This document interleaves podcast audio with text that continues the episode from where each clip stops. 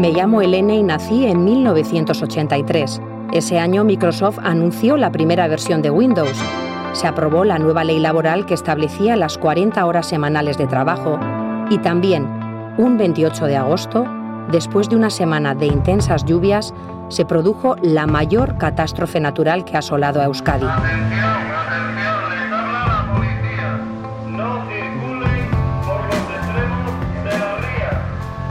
La lista es inmensa y cada persona puede añadir buenas y malas noticias. A mí me interesa una en concreto, un error político y ético de primera magnitud que pudo socavar los cimientos de la recién estrenada democracia. Me refiero al GAL, una trama ilegal gestada en despachos ministeriales que acabó con la vida de casi 30 personas. El conocimiento del nacimiento de los GAL en el año 1983 es un conocimiento eh, parcial, eh, inacabado, eh, y que tiene fundamentalmente tres soportes. El primero de ellos, un periodismo de investigación. En segundo lugar, las filtraciones que se produjeron desde el CSID, actual CNI. Y el tercer elemento es la la instrucción de los sumarios llena de dificultades y obstáculos por razón precisamente de aquello que estábamos investigando, que era eh, el terrorismo de Estado. Soy Ñigo fui abogado de la acusación particular en el sumario Lasa y Zabala. ¿Por qué lo publicamos en el diario El Mundo? Porque conseguimos toda una serie de documentos del CSIC. Soy Antonio Rubio, periodista de investigación en el tema de los GAL llevo aproximadamente unos 40 años. Yo he tenido en mis manos copias de las fichas, porque antiguamente eran como una especie de clichés o de diapositivas, y las he ido viendo con las herramientas de aquella época. Los documentos que Perote saca del CESID y que después el juez Garzón encuentra en su celda. Juan Rando se refiere al coronel Juan Alberto Perote. Ambos coincidieron trabajando en el CESIT.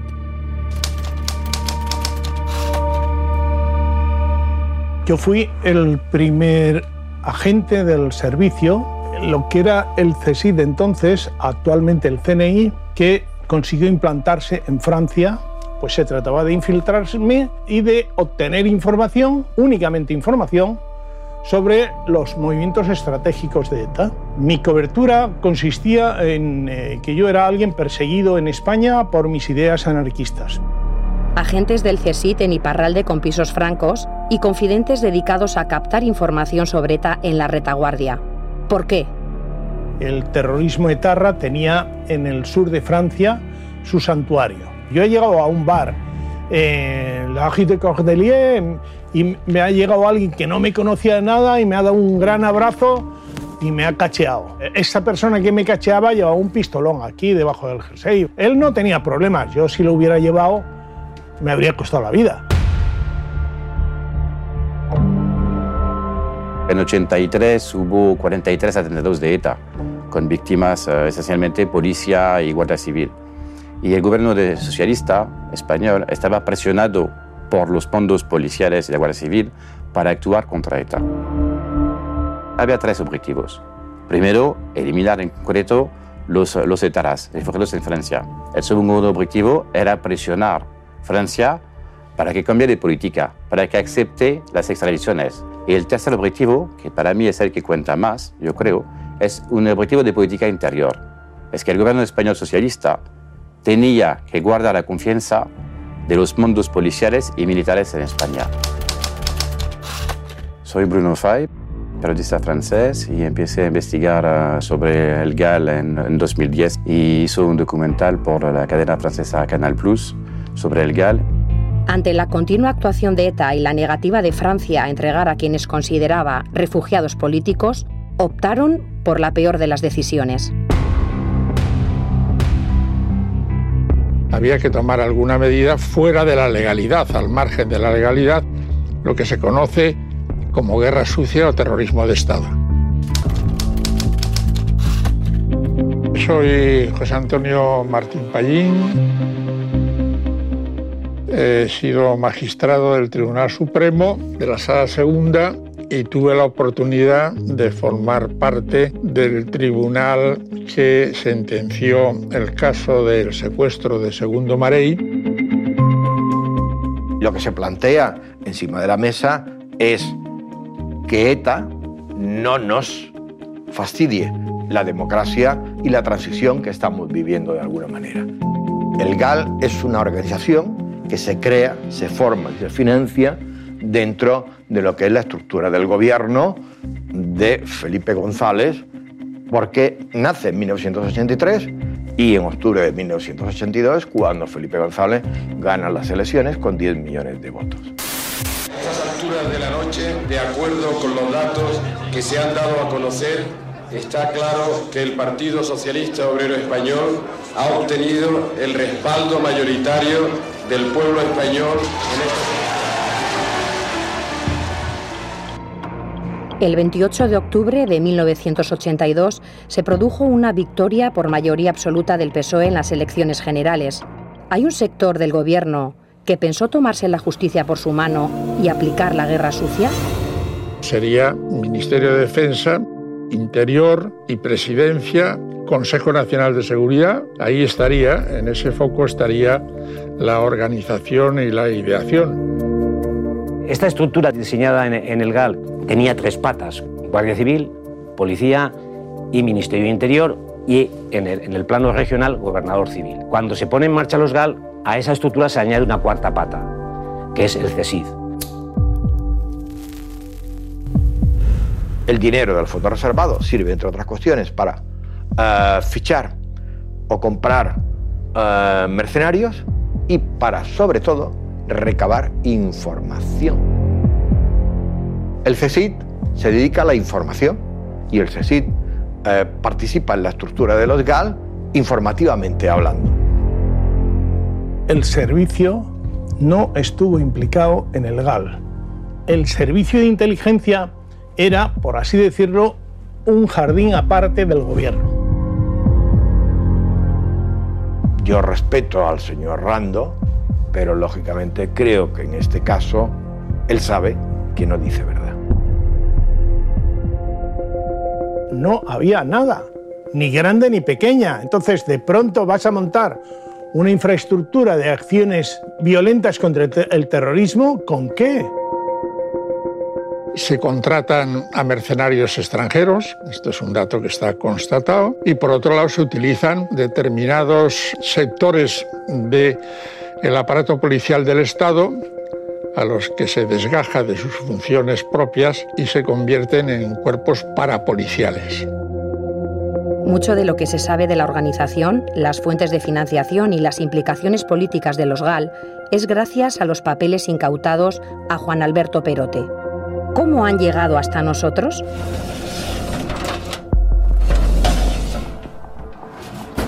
Siempre cuando reclamabas documentos de esa naturaleza, te esgrimían los políticos de turno, e incluyo a todos, la llamada razón de Estado. Me empeciné y por fin conseguimos que el Tribunal Supremo, la Sala Tercera, creo que fue sobre finales de marzo del 97, ordenase la desclasificación en virtud de recursos interpuestos por las partes. Yo siempre he cuestionado los lo digo sinceramente, he tenido mis dudas respecto al funcionamiento de los servicios secretos de este país y de cualquier otro país del mundo, aun por democráticos que sean. Soy Javier Gómez de Liaño, magistrado, y entre las funciones o tareas que he desempeñado a lo largo de mi vida profesional, pues me correspondió eh, instruir el sumario por la muerte de los dos jóvenes José Antonio Lassa y José Ignacio Zavala. ¿Cuál era la información más relevante que contenían esos 13 documentos desclasificados? En julio de 1983 es cuando el, CSID elabora el acta fundacional eh, de los GAL. Eh, teorización en la que participa fundamentalmente el CSID, pero no solamente el CSI, también hay, debates en ámbitos políticos, eh, se utilizan manuales de, lucha contra insurgencia, pero te dice eh, que se sirve mucho de manuales del Mossad, eh, se habla de manuales de la CIA, etc. Es decir, hay todo un conjunto de elementos que crean la, situación idónea para poner en marcha a los GAO.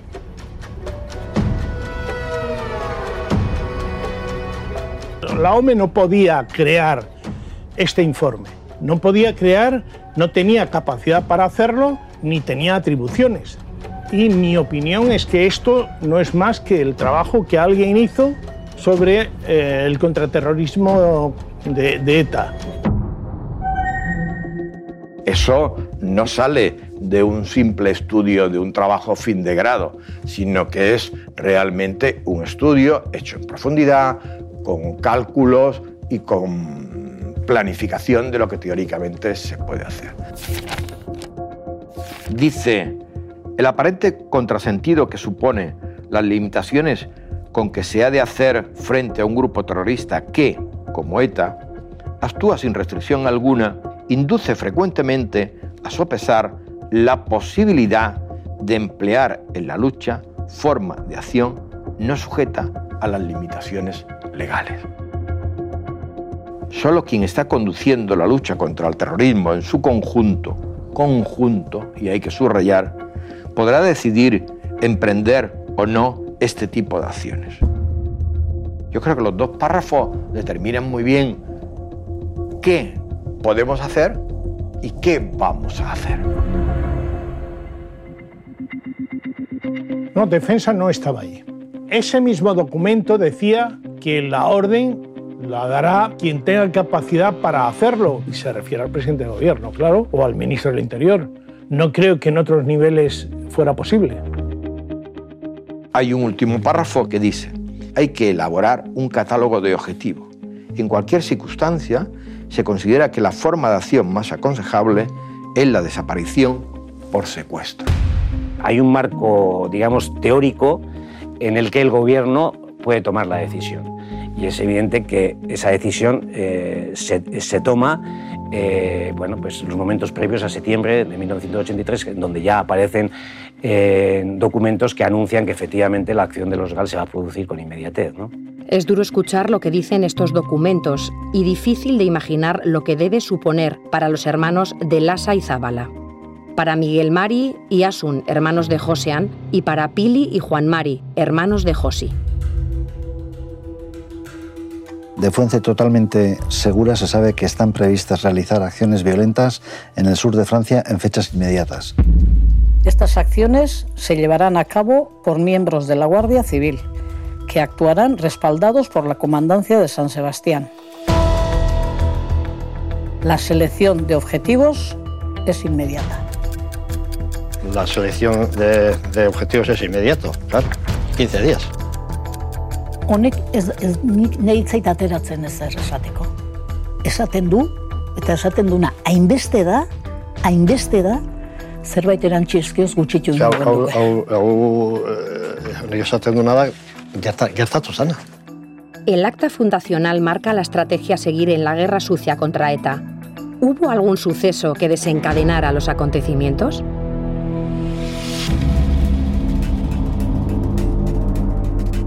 El 5 de octubre de 83, ETA secuestra a Martín Barrios, el capitán de farmacia de Bilbao. A este momento es un choque para el gobierno español y quieren hacer todo para liberarle. Cuando secuestran a la Zabala, no hay que olvidar que estamos todavía, Martín Barrios todavía está secuestrado, secuestrado por ETA. El gobierno español decide de secuestrar a la Zabala para obtener la dirección, es así, tan concreto, la domiciliación de Chapela, el jefe presunto de ETA a este momento. Gu Donibane loitzunera bizitzera irailean joan ginen, eta etxe aldaketa egiteko Josi eta Josianekin hitz egin zuen eta han e, furgoneta bat lortu zuten miarritzetik Donibanera bizitzera joateko. Gogoan dut euren baiketa izan eta egun pare batera, ja denok konturatu zirenean zerbait gertatzen ari zela, Mikel lanetik etxera bueltatu zenean, berak esan zidan, badakizu zeintzuk desagertu diren, eta josi eta josean. Eta berak uste zuen zerkusik zeukala desagerpenura, ez? Ni izaskun ugarte naiz, Mikel Goiko etxea txapelaren alarguna, eta mila bederatzeirun eta laurogeita iruan, iparraldean bizi ginen, hain zuzen ere doni banelo itzunen. Ni mila beratzean eta irurgoita meretzean iritsi nintzen iparraldera.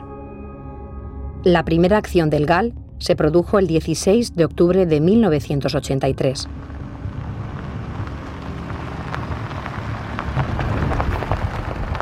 Bi gizonezko etorri ziren etxera. Urriak emezortzi, San Lukas eguna. Esatera, josita josean, bi gau zera matzatela Azaldu gabe. azaldu gabe.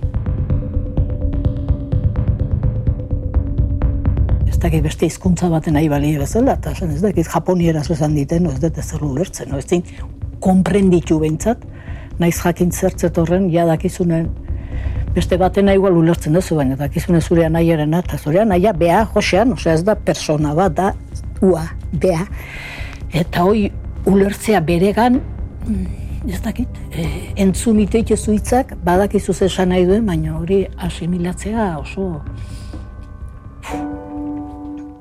Iparralden bila gabiltzen bitarte etxe ondo zauden. Kumbreko zen, jauregian. Kumbreko jauregia zerena da.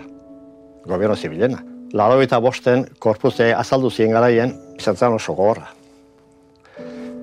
Espero gendun, eh, hoien eskutan egon da, imaginatzen gendun, ze pasako zituen, imaginatzen gendun. Baina imaginatzen duzu, beti, ala baja, ez dezu lakon, baina Pako Etxeberria egin zuen informea. Alakanteko herri kanposantura Jose Ignacio Zabala eta Jose Ignacio Lasaren gorpua.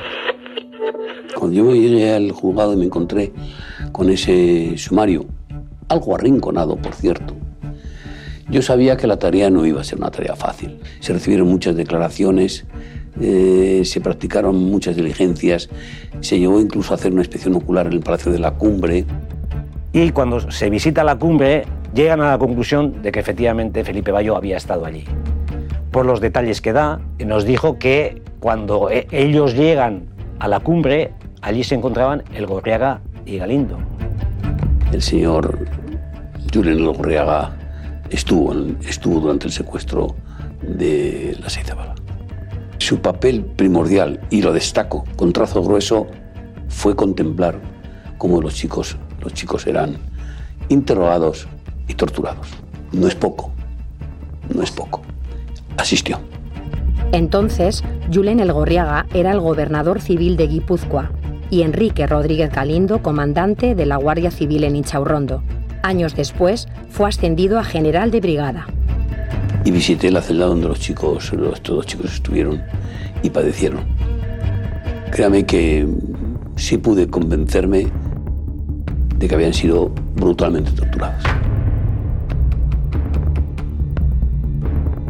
Yo logré tener dos cintas de Gómez Nieto en la que le explicaba a Perote cómo eh, muere Miquel Sabalsa y otro eh, miembro de un comando y cómo se deshacen de los cuerpos de Laza y Zabala.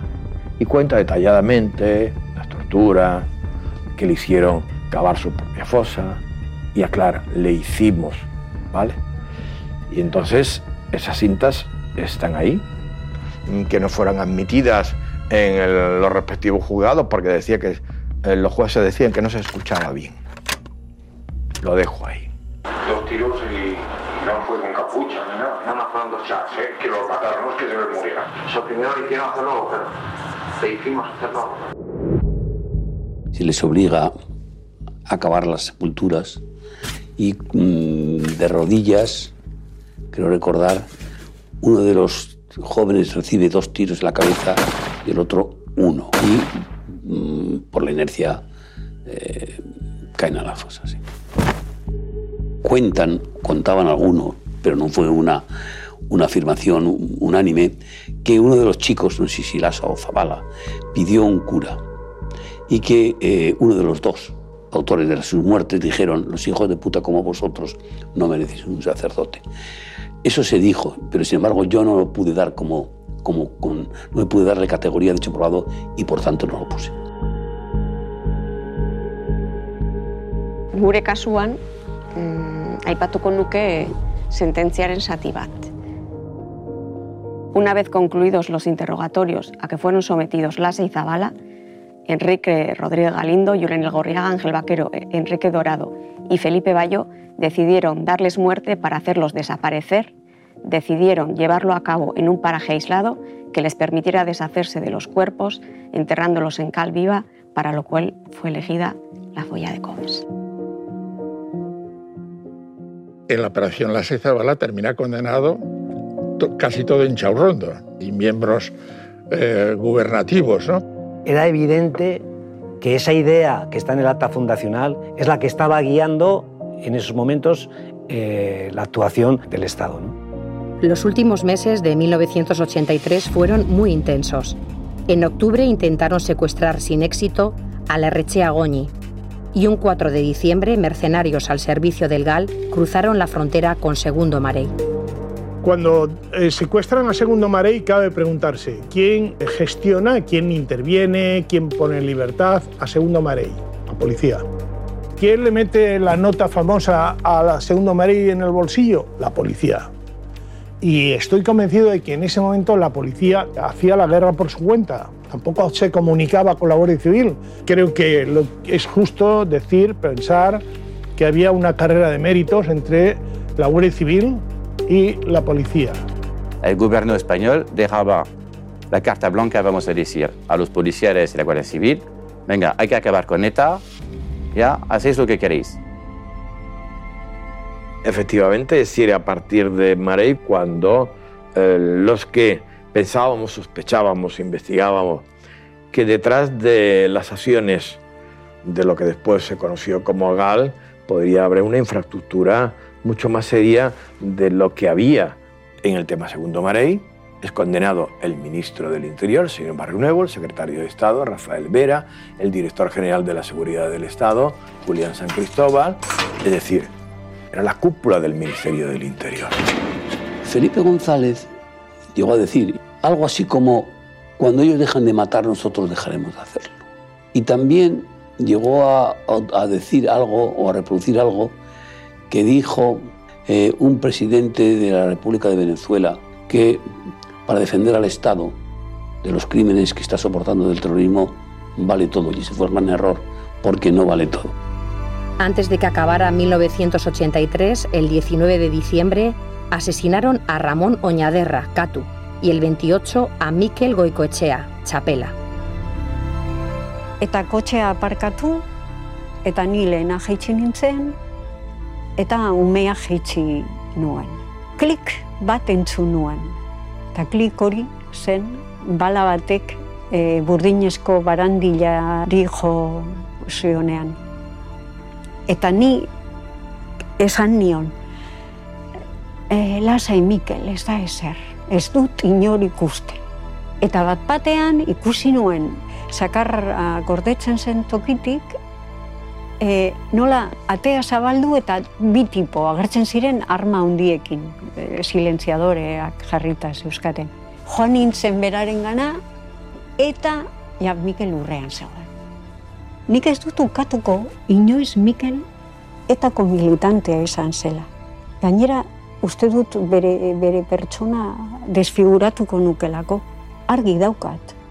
Etako militantea izan zen, bere ideiak izan zituen, baina argi daukat, zuzenbide estatuak ezin duela talde bat montatu, armarak eman, dirua eman, infrastruktura, beste pertsona batzuk hiltzeko. Nun gaude? Estoy a punto de cumplir 40 años y todavía este episodio de la historia sigue sin esclarecerse en su totalidad. El caso Gal gravita sobre nuestra democracia y no dejará de hacerlo hasta que sepamos la verdad y se deje de lado la razón de Estado. Esto es una constante internacional. Invocar la razón de Estado, la seguridad nacional, etcétera, etcétera, para realizar estas acciones. No hay razón de Estado, hay razón de justicia. Y que no me vengan con razones de Estado, cuando no son más que el Estado de mi razón. Es que era un diseño de combatir mediante la guerra sucia el terrorismo. O sea, terrorismo de Estado frente al terrorismo. Mal, pésimo. horrible el terrorismo, tan mal o tan grave el terrorismo de Estado. Yo no creo que se deba asumir el GAL como un error político y ético para la democracia española. Lo que vemos es que objetivos cumplieron. El objetivo que ellos pretendían que eh, el País Bajo francés dejara de ser eh, el santuario de ETA, pues ese se cumplió. Así si miramos las cosas planas, ha sido un éxito el GAL del punto, del punto español, ha sido un éxito. Luego, eso, el otro problema es, la, es, hasta dónde puede llegar una democracia para defenderse. Y eso es, una problema, es un problema ético y, demo, y, y democrático. La historia de los GAL probablemente sea una de las páginas más negras de nuestra democracia. Hay que conseguir que realmente toda esa historia de los GAL, todo lo que pasó a lo largo de, de, de esos años, pues realmente eh, sea conocido. Lehenik eta behin guk behar duguna egia da. Eta egia esaten dudanean da, nork nola, ze bide erabili zuen garai hartako gobernuak gal sortzeko. Berradizkidetze prozesua da berreskuratzea konfidantza estatuangan. Eta noiz berreskuratuko dugu konfidantza estatu horrengan ukatzen baldin badigute behin eta berriro, rebiktibizatzen baldin bagaituzte behin eta berriro beraien jarrerekin, beraien, beraien hitzekin, beraien aitortzekin. Eta beraien lege injusto, inhumano hauek bultzatuz. Josita Josianek behar, ditu, behar dute justizia, Josita Josianen familia, familia eta sarnitartikoek behar dugu justizia, baino Euskal Herriak du justizia. Eta ez ukatu egiten digute. Egia jakitea izango litzeke onartzea, eta egia onartzea beraiek, eta pentsatu nun gauden, hasi ere ez dia egin, minik egin dutela ere ez dute esan, estatuak hasi, eta nun gauden ez, baino justizia eta lasaitasuna nik uste egia. Inoez batzuk esan da beak ez, egia, eta beak esango baldu eta onartu eta esan bai. Hori, hola izan zen. Hori da justizia benetakoa hori da. Suerte hori eukiko bageno, gure ez du izan, hori izagutzekoik eta mak ere zaila izango du. Dirudienez. Este episodio recoge el testimonio de algunos de los protagonistas del documental GAL 1983. El relato periodístico, la instrucción sumarial y los papeles del CSIT han sido nuestra guía para descifrar qué ocurrió ese año. Una producción de New Digital Media Euskadi para Euskal Televista con la colaboración del Instituto Gogora.